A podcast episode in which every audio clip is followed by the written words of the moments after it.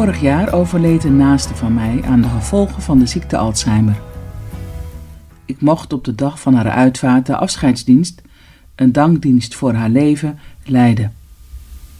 In het familiegesprek vraag ik altijd dan naar hoe iemand herinnerd wordt.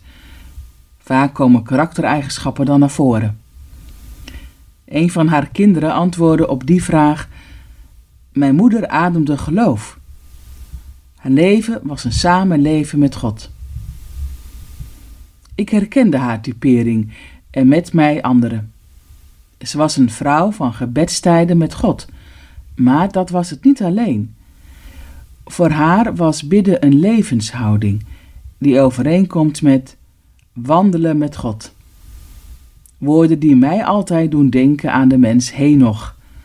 Over hem wordt gezegd in Genesis 5: Henoch wandelde met God en hij was niet meer, want God nam hem weg. Het woord wandelen wordt in de nieuwste Bijbelvertaling omschreven als Henoch leefde in verbondenheid met God. Henoch wordt als zevende genoemd in de lijst van namen van het begin. Het waren tijden van geweld, van een leven waarin men ging voor eigen grootheid en roem. Torens worden gebouwd, bolwerken van aanzien. God verdwijnt op de achtergrond. Wandelen met God is helemaal ver weg. Dan opeens klinkt er weer hoop in Genesis. Er is iemand die wel met God wilt leven. Niet bezig met de race van meer en groter, maar iemand die terugschakelt en wandelt. Leeft met God. In verbondenheid met God zijn levensweg gaat.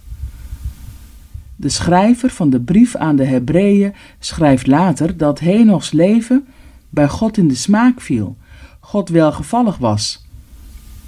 Henoch is de smaakmaker van hoop, door te keuvelen, te praten met God, even de tijd nemen op een bankje, aan de bloemen te geuren en die wijst op de kleine fladderende vlinder.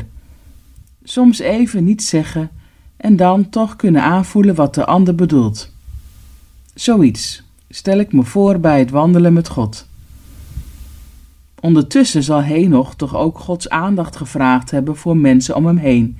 Heer, wilt u er ook zijn voor Els? Ze heeft het moeilijk. Of voor Jason, hij wordt op school gepest. Waarop God, zo stel ik me voor, zal hebben gehumd, geknikt en gezegd hebben: Ik weet het, ik zie ook naar hen om.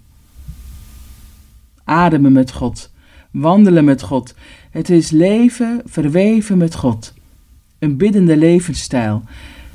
En tuurlijk weet God ook van onze tekortkomingen en fouten. We struikelen over de stenen op het pad, nemen wel eens een verkeerde route. Gelukkig mogen we dan ook die uitgestoken hand van de Heer pakken om weer op de weg te komen.